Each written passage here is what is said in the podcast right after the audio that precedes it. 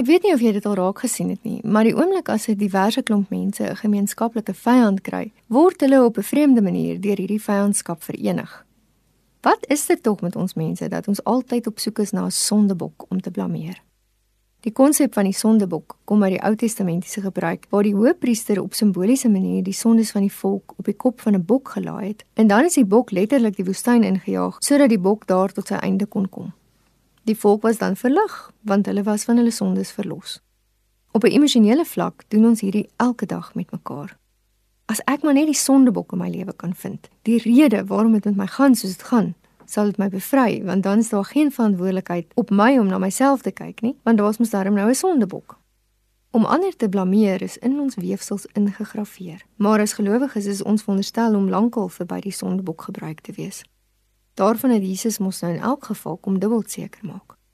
Ons besef dit nie noodwendig nie, maar een van die grootste tekens van geestelike en emosionele volwassenheid is wanneer 'n persoon volledig vir hom of haarself verantwoordelikheid neem en daarmee saam nie probeer om my eie verantwoordelikheid te omseil deur ander mense verantwoordelik te hou vir dit wat in my lewe skeef geloop het of verkeerd is nie.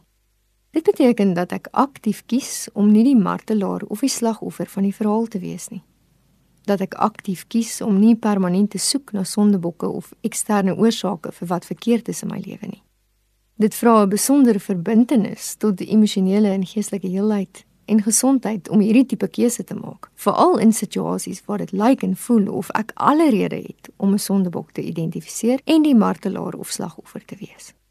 Sosioloë sê ons moet besef dat die tipe samelewing waarin ons leef meer divers gaan word in die toekoms. Mense gaan al meer anders as ons dink en wees. Homogene groepe wat presies soos ek dink en lyk, gaan beslis in die minderheid wees. Mense se andersheid staan al meer voorop en ons is nie altyd so vreeslik gemaklik met mekaar se andersheid nie. As God se kinders in hierdie wêreld sal ons kapasiteit vir kompleksiteit moet vergroot.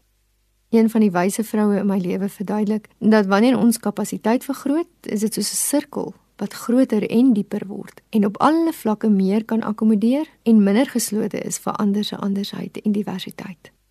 Ons verhoogde vermoë om met diversiteit en kompleksiteit om te gaan, sal waarskynlik een van ons as volgelinge van Jesus se grootste kenmerke moet wees. As ons hoegenaamd geloofwaardigheid in hierdie wêreld volhou en nie soos die Fariseërs wil wees wat klippe gooi en sondebokke soek nie.